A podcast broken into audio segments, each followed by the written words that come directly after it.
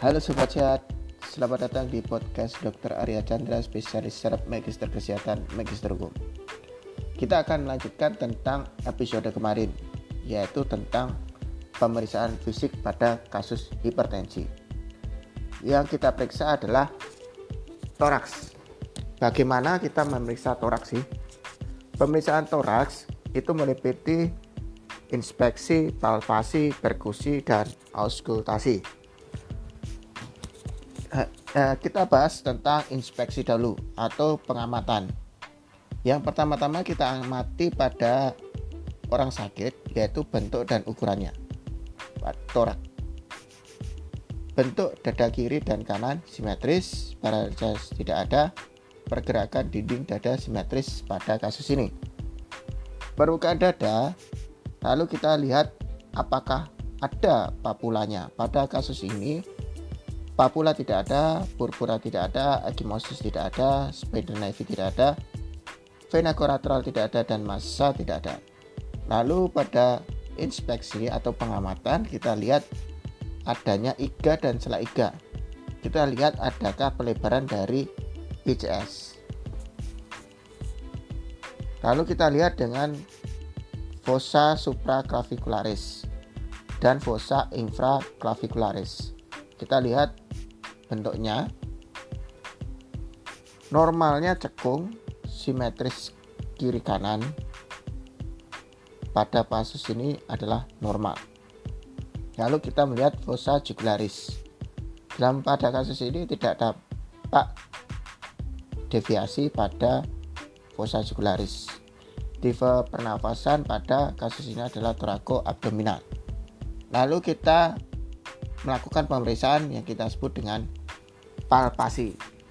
Palpasi artinya kita melakukan perabaan pada orang sakit. Kita meraba trakeanya. Kita lihat apakah ada tidaknya deviasi dari trakea. Pada kasus ini tidak didapatkan deviasi trakea.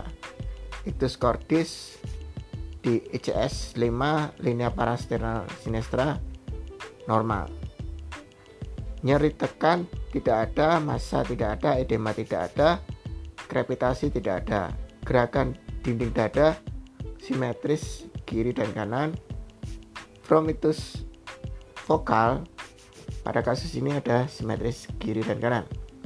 Lalu kita melakukan pemeriksaan namanya perkusi, yaitu mengetuk dinding dada. Kita uh, pada kasus ini Waktu kita ketuk, terdapat suara sonor pada seluruh lapang paru. Batas paru dengan hepar, waktu inspirasi ECS 4 dan ekspirasi ECS 6. Batas paru jantung kanan kiri normal dan pada pemeriksaan askultasi atau dengan menggunakan stetoskop pada pemeriksaan core didapatkan suara reguler, mumur tidak ada, galup tidak ada. Pemeriksaan pulmo didapatkan suara dasar vesikuler pada seluruh lapang paru. Ronki tidak ada, washing pun tidak ada. Pada pemeriksaan perut kita juga melakukan suatu pemeriksaan inspeksi, auskultasi, perkusi, dan palpasi. Pada waktu pengamatan atau inspeksi tentu saja kita melihat bentuknya. Pada kasus ini bentuknya simetris, umbilikus masuk merata, permukaan kulit tidak ada tanda-tanda peradangan, sianosis tidak ada, venektasis tidak ada, massa tidak ada, vena koral tidak ada, papula tidak ada, distensi tidak ada, asistes tidak ada. Pada pemeriksaan dengan menggunakan stetoskop atau kita sebut dengan auskultasi, pada kasus ini didapatkan bisis bising usus positif normal, metallic sound tidak ada, bising aorta tidak ada. Pada pemeriksaan palpasi atau perabaan, pada nyeri tekan epigastrium tidak didapatkan, massa tidak ada, hepar atau lien tidak teraba. Lalu kita melakukan suatu pemeriksaan dari ekstremitas. Kita pada ekstremitas kita periksa akral hangat. Pada kasus ini didapatkan akral hangat positif, edema tidak ada, deformitas tidak ada, cyanosis tidak ada, clubbing finger tidak ada, sendi dalam batas normal. Lalu eh, kita melakukan pemeriksaan penunjang. Dan pemeriksaan penunjang pada pasien hipertensi tergantung dari kasus di mana yang menyebabkan adanya suatu gangguan. Misalnya terjadi gangguan di jantung, kita melakukan pemeriksaan penunjang bisa rekam jantung. Pada kasus ini kita diagnosis kerja dengan hipertensi derajat 2. Pada hipertensi derajat 2 atau kesalahan penyakitnya kita harus melihat dari empat aspek. Apa sih yang dimaksudnya empat aspek ini? Yaitu yang pertama kita melihat namanya aspek motif. Di sini promotif kita akan menjelaskan kepada pasien tentang penyakit hipertensi itu. Preventif yaitu kita menjelaskan pada pasien apa sih mencegahnya supaya kita tidak terkena hipertensi yaitu dengan cara diet rendah garam olahraga teratur menghindari faktor risiko seperti merokok alkohol dan stres.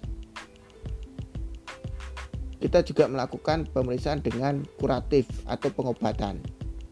Pengobatan tentu saja kita memberikan obat penurun tekanan darah Misalnya pada kasus ini kita berikan adanya kaptopril amlodipin dan juga edukasi ke pasien.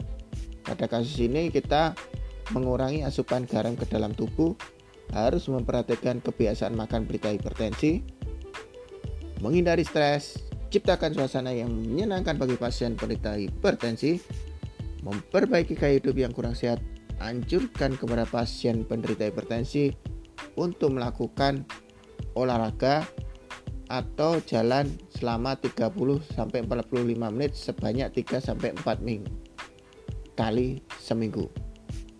Selain itu, menghentikan kebiasaan merokok dan mengurangi kebiasaan minum minuman keras. Dan terapi rehabilitatif pada pasien ini belum didapatkan suatu kelemahan anggota gerak, bicara pelo. Jadi terapi rehabilitatif pada pasien ini belum bisa dilakukan. Prognosis pada pasien ini dubia et bonum. Konseling pada pasien ini tentu saja kita melakukan penyuluhan pada pasien ini agar tidak terkena suatu bahaya dari hipertensi.